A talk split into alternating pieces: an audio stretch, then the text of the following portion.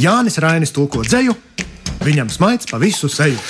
Cienījamie lasītāji, Etīdes par literatūru. tulkojumi, analīze, pārunas, lasījumi, viss ļoti daudz burtu Kopā ar dzinieku Tomu Trēbergu. ar dzinieku Tomu Trēbergu. paga un rakstnieku Svenu Kusminu. Trešdienās 15.35. LR1. Labdien, cienījamie lasītāji! Esiet sveicināti! Šodien mēs jūs uzrunājam no grāmatu veikala Roberts Buks, kurā esam patvērušies tādā mazā nomaļā nostūrītī.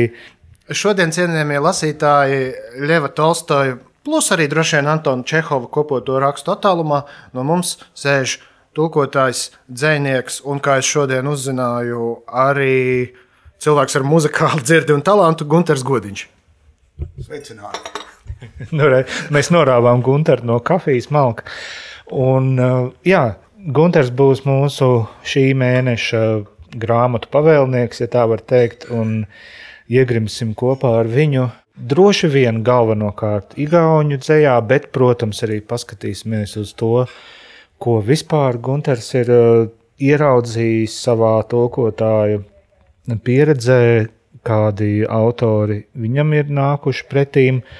Nesen mēs ar Svenu pārlapojām Knuts Kojanieka pirmā krājuma liriku un balsis, lapas puses. Un, uh, man liekas, interesanti gan Knuta gadījumā, gan arī domājot par Leonu Briedi un arī par tevi. Interesanti ir šī te atzējošanas, šis atzējošanas valdzinājums, kurš, manuprāt, tieši 60. gados sākās kā tāda kultūru, savstarpējā satiksme, miedarbība, tāpat kā turistu braucieni pa kalnu upēm un tam līdzīgi. Un arī atzējošana no ļoti eksotiskām valodām, dzinieku iepazīšana, viņu, viņu vērtējumu, viņu ideju pārnešana savā dzimtajā valodā. Kā tu sajūti šo atzējas eh, nervu? Nu, jāteic to, ka nu, tāda grupiņa mēs bijām no paudzes uz paudzi. Es mācīju, varbūt Uldis mācījās no Knuta. Protams, es arī mācījos no Knuta un Ulda, un tālāk ejot, eh, Pēters mācījās no Ulža. Un tā, tādā veidā izveidojās tiešām, nu, varētu teikt, ka eh, nu, ļoti spēcīga latviešu eh, teiksim, atzīvotāju, varētu teikt, tāda nu, paudžu paudze. Var. Nu, ko tas deva? Un tas varbūt arī e, deva ļoti daudz tieši tajos padomu laikos. E, Kā, nu, mēs vairāk zinājām, protams, krievu valodā, no krievu valodas, bet e, šie atzējumi pavēra arī plašāku teiksim, iespēju varbūt mainīt varbūt, savu stilistiku dzējā un tā tālāk. Un es domāju, to darīja arī Uldis, to darīja arī Knuts, to darīja arī Leons.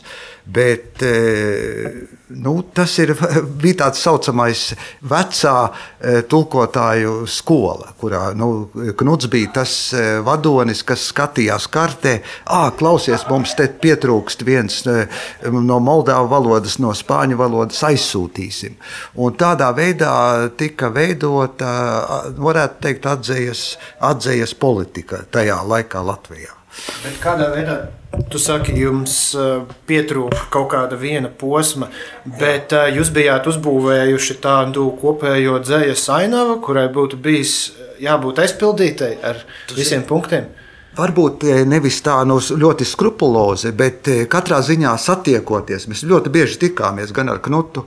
Tajos laikos, 80. gadu sākums, tad ļoti bieži tikāmies ar Knutu, ar Uldi, ar Leonu. un Mēs tiešām varbūt būvējām to, to kartē, skatoties. Ah, klausies, mums tur nav, kas varam no spāņiem kaut ko atzējot. Ah, mums tur, tur, tur trūks no igauniem, vai, tur, vai no, no tā trūks.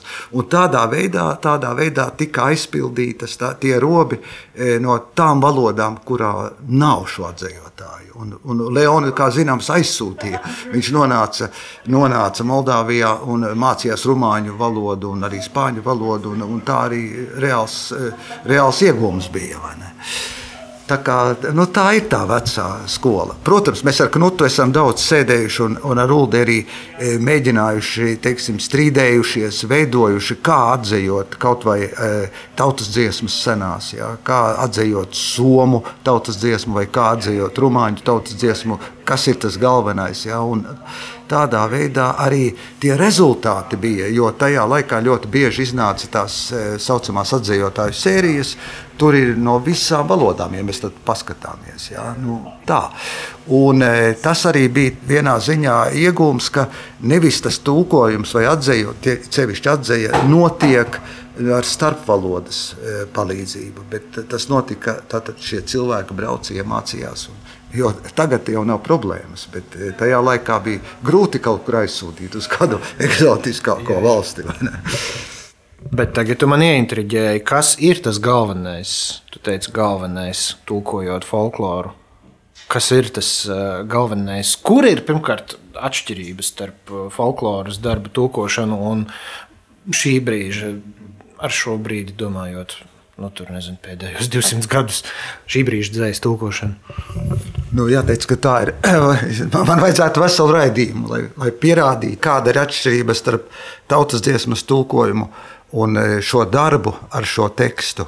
Un ne tikai ar pašu vizuālo tekstu, tu esi spiests arī burties cauri mitoloģijai, tu esi e, spiests e, burties cauri visai tai leksiskai, leksikai kā tādai, vārdu izvēlei un vārdu formām, poetikai, sākot no ritmiskās struktūras. Katrā tautas dziesmā ir atkal varbūt cita poetikas svarīgi momenti, un līdz ar to te ir atšķirība, protams, no mūsdienu autoru dzējas. Nu, piemēram, kaut vai mēs ar Knutu savos pašos sākumos arī sākām atzējot somu E, tautas dziesmu, seno tautas dziesmu, e, veidojot e, grāmatu kanteletārs, kas ir, varētu teikt, pēc Kalevalas ir otrs tāds, nu, varētu teikt, epos ar liriskām senajām somu tautas dziesmām.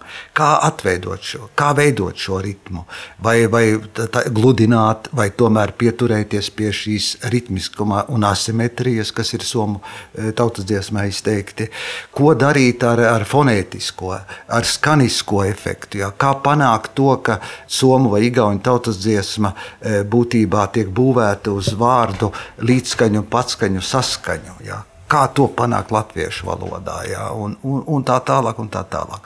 Un pēc tam jau, protams, es ļoti daudz strādāju ar, ar, ar, gan ar igauņu tautas dziesmu, gan ar somu seno tautas dziesmu, gan arī, protams, ar, ar eposu e, Kalevdēls. Un līdz ar to nu, te ir mazliet citi principi. Tātad tu vispirms arī nu, teiksim, kaut kādu vārdu izvēlēt. Tu nevari būt moderns jā, teiksim, no, no mūsdienu viedokļa. Tev jāatrod tie senie slāņi, tie senie vārdi. Tad nāk šis ritmiskais zīmējums, kādā veidā mēs varam e, atzējot teiksim, nu, kaut, vai, kaut vai igauņu vai somu tautas dziesmu. Tas ir tas pats, kas varētu teikt, nu, ko, kā atzējot latviešu tautas dziesmu, kurā valoda to atļaujas un kura valoda to pat nepieņem. E, nu, angliski ir ļoti grūti atzīt latviešu tautas dziesmu. Tie ir ritmiskā ziņā. Ja, tur ir ļoti grūti ir somiski atzīt latviešu tautas dziesmu, jo somu vārdi ir gari. Bet igauniski es mierīgi tulkoju, man nekāda problēma nav. Un, un, un arī tas ir tas, tas saucamais nu, liktenis, tas valodas liktenis, sakritība. Ja, nu, jā, tie sakrīt. Tu taču arī esi dzēnieks, bet tava atzējas darbība kaut kādā ziņā varbūt ir pārmākusi tevi kā pašradītāju. Man tavu dzēju manā uzmanības lokā atgrieza Klaus Kalnečs gan ar grupas Židrūns dziesmām, gan arī ar viņa dueta Liels Lienas Neslienas um, darbiem. es esmu iemācījies pareizo nosaukumu no galvas cienījamie lasītāji - Nils Lens Lielslēns. Nils Lens Lielslēns. Jā, jā. ja es esmu nepareizi, ja arī es esmu nepareizi to nosaucis, nu, tad mums vairs nav cerība. Nē, nu, tur tā. Protams, jā, tas ir jau izaicinājums atcerēties šīs grupas vārdu. Varbūt tāpēc arī tas tāds tika izveidots, bet nu, neatkarīgi no tā. Uh, nu jā, bet um, 4. maija mums ir jau aizvadīts, un noskatījos arī 1990. gada augstākās padomas sēdi, kurā tika pieņemta neatkarības deklarācijas sastādītā versija un tam līdzīgi. Un tavs dzējolis meitenes audzējiet krūtis um, par to, ka naidnieks tad taps apstulbināts un tam līdzīgi pastāstīja par, par šo savu darbības nogriezni un par to, kā tu, nu, es pieļauju, tev vajadzēja savilkt tādu garīgo dūri, lai runātu tik tieši kā tu to darīji šajā konkrētajā laikā, kad viss bija uzsārkots viņam līdzsvar balstīts. Protams, šis laiks dzējai nebija pateicīgs. Nebija pateicīgs tādā ziņā, ka tas dzinieks varbūt nu, kaut vai nu, kaut kādā vēlna eh, dzīves, teiksim, nu, bija spiests arī nu, uzsist kaut ko. Pa dūri vai dūri uz galda, nu labi, pa seju nevarēja sist. Un tas bija viens, un otrs bija tas, ka es biju tajos gados, tas ir 80. gadu pats, pats, pats sākums, un pat varbūt 79. gadā, kad es sāku rakstīt. E, man bija, varētu teikt, tādas divas kladītes. Viena klade, kurā es e, patiešām rakstīju ceļoļus, un otra e, klade, kurā es varbūt nu, vienkārši nevarēju izturēt, kur es dzīvoju un kas ar mums te notiek un cik ilgi tas var būt. Un tad man viens no, no stilistiskā viedokļa tas bija ironija, kurā, kuru varēja, varēja tajā laikā droši lietot, jo tad, tad nevarēs īsti saprast, nu, nu, nu, kā mēs varam iebilst. Tāpēc ļoti daudz arī eh, radās tādi ironiskie dzējoļi gan, gan, gan Klāvam, Elsbergam, gan, gan Egīlam Zirnim, gan Pēteram Brūveram, gan arī, gan arī man. Jo eh, ironija bija tas, ko viņi nevarēja saprast. Nu, kā tur var iebilst? Ja tu baigi tā nu, noteikti pateikt, nu, es vairs nevaru ciest, dzīvot Padomu Savienībā, protams, es, mēs tur var, varētu teikt, ka sēdētu. Tāpēc veidojās un radās man dzējoļi arī pat skolas laikā. Nu, kaut vai šis dzējolis bez savas valodas, tu esi sūds kas eh, sākumā eh, izraisīja lielus eh, konfliktus, jo es biju šur tur viņu nolasījis, un, un, un tad arī tas sakaitinājis varbūt vēl ar kaut ko citu, un tad gan es divus gadus nedrīkstēju kā publicēties un sāku atzējot. Bet tas laiks bija arī savā ziņā ļoti interesants, jo būtībā. Es negribētu teikt, nu, dzēja aizpildīja tur žurnālistikas un, un tā tālāk. E, šis jau nu, pārāk bieži mēs to sākām. Bet e, tas bija iespēja paspēlēties ar šo vāru, paraustīt aiz ūsām, paskatīties, kas notiek. Un, es toreiz biju jauns. Man tas vienkārši kaitināja, kāpēc es dzīvoju tādā miskastē. Nu, tā kā manā dzējolī mēs drīz vien savos sūdos mirsim šai izgāstuvē, ko par valsti sauc. Es tos arī esmu lasījis. Tajās divās pasaulēs mēs dzīvojām būtībā. Jā. Es, es, es atceros, ka es strādāju arī radio. Arī tur bija daudz konfliktu. Tur bija arī noklausījās raidījumi, izlaist vai neizlaist. Man arī bija daudz raidījumu, kas netika izlaisti. Bet e, dzējai, dzējai šis laiks nu, gan bija interesants, gan arī reizē nu, tas bija nu, arī stulbs. Un tāpēc, tāpēc bija tās divas pasaules, un tāpēc man divas kladītes bija. Vai tev kādreiz kāds ir draudējis? Mm -hmm. nu, bieži vien. Bieži vien. Jo daudz arī tika mests ārā, un, un arī draudēts, un, un, un visādos veidos. Bet e, nu, nu, tādi bija tie laiki. Tādi bija tie laiki, bet vēl ar, ar vien trakāk gribējās kaitināt. Saprot? Jo pēc tam es arī strādāju žurnālā avots, nu, kas arī nodarbojās ar to pašu. Kā, e, nu, ne tikai, es saku, ne tikai avotā bija šie darbi, kas ir aizliegti, bet arī avots kā stils bija tas, kas bija, varētu teikt, vizuāli aizliegts. Jo ieraugot tādu noformējumu pie tiem žurnāliem, kas tur stāvēja, jā, tad tas jau vien jau bija izaicinājums. Bet laiks bija interesants, un es, es katrā ziņā ne, neko nevaru teikt, jo, jo arī, arī dzinieku bija daudz. Arī Tomēr, neskatoties uz visu cenzūru un visu, kas tur toreiz notika, bija ļoti daudz iespējas arī publicēties Nebija varbūt šo portālu, jo toreiz neviens nelietoja, bet bija ļoti daudz arī avīžu žurnālu, kuros bija iespējams publicēties un, un tādā veidā arī uzturēt, kā es saku, uzturēt teiksim, šo literatūras asins riti. Raidījuma cienījamie lasītāji etīdes par literatūru kosmoloģijā pasaule rodas no grāmatām, kuras mums atnes viesi. Gunter, pastāsti lūdzu, ko tu esi mums savā portfelī atnesis? Paņēmu līdzi vienkārši no, tām, no tā trakā, biezā plaukta, kas man, man apmēram ir. Es skatījos, ka pārtulkotas kaut kur pie 60 grāmatām. Nu, ko, ko es ātrumā paķēru no Siguldas, lai nav jāstiep, tad es paņēmu Jāna Kaplinska īsu romānu Ats, kas ir ļoti saudabīgs un interesants kura doma ar, ar Jānu runājot, ar pašu autoru runājot, ir tas, ka, nu, kas notiek ar mums, ka mēs gaidām un ticam tam dievam, un kad tas dievs nāks, tad mēs no bailēm laistos lapās. Un viņš uzrakstīja šo romānu, kurā ir apvienota gan tas pats laiks, padomu laiks, kurā ir pratināšanas, kurā darbojas VDK. Te ir e, laiks, e, kura nav. Jo beiga, beigās viņš satiekas ar vienu ķīnieti, e, kas ir būtībā budists. Turpat arī ir gnostiķi, Turpat ir arī kristieši. Jā, šis acis, kas mums visu laiku seko.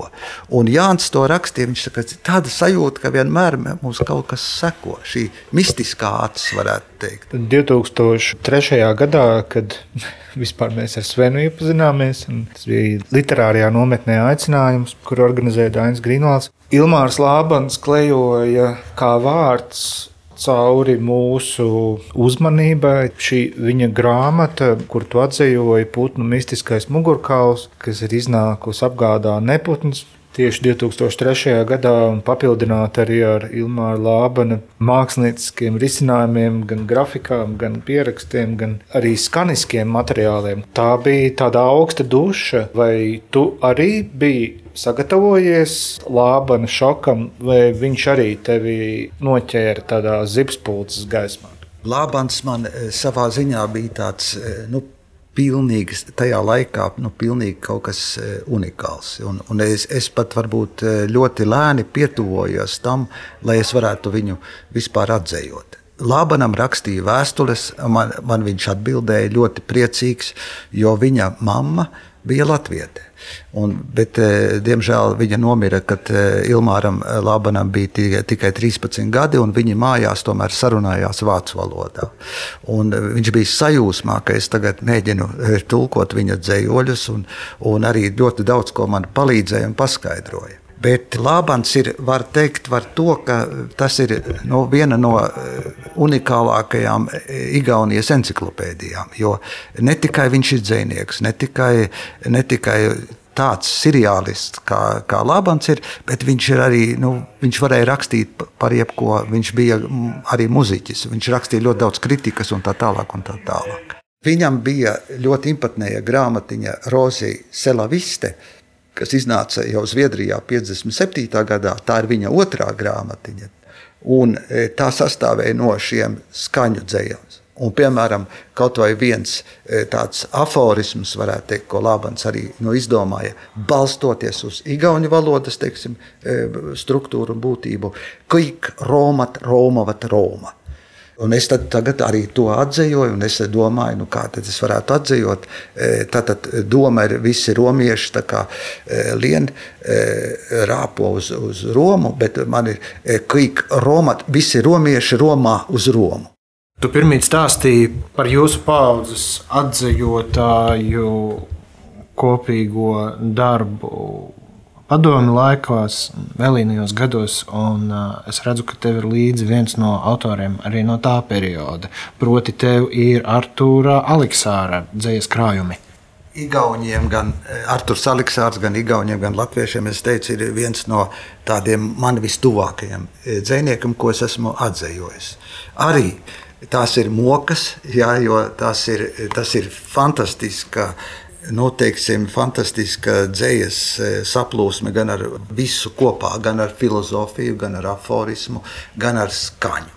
Jā, jo uh, Ilmāra Lābana skaņu dzēja, varētu teikt, mazliet atgādina varbūt Ilmāra Lābana šos, šo sound poetriju, bet, bet Arturs Aleksārs izmanto tikai īgauņu valodas būtība. Tātad tas, kas bija jau īgauņu tautas dziesmās, to viņš arī izmanto e, savā skaņu e, dzējā.